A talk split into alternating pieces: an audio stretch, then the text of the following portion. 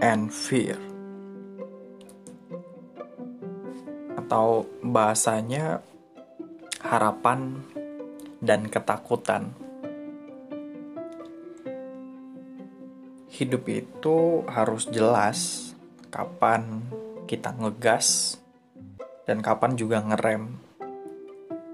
Ngegas terus ya bahaya.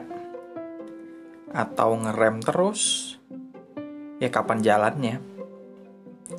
Jadi kita itu tahu waktunya diam ataupun ngomong, waktunya istirahat ataupun waktunya bekerja. Bahasanya ya bijaksana, arif. Ibarat burung, kita itu punya dua sayap. Sayap yang pertama itu adalah harapan, dan sayap yang kedua adalah ketakutan.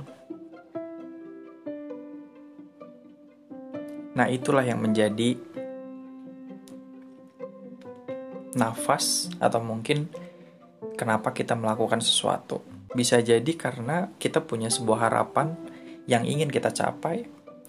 Bisa jadi kita punya ketakutan yang ketakutannya itu ingin kita hindari.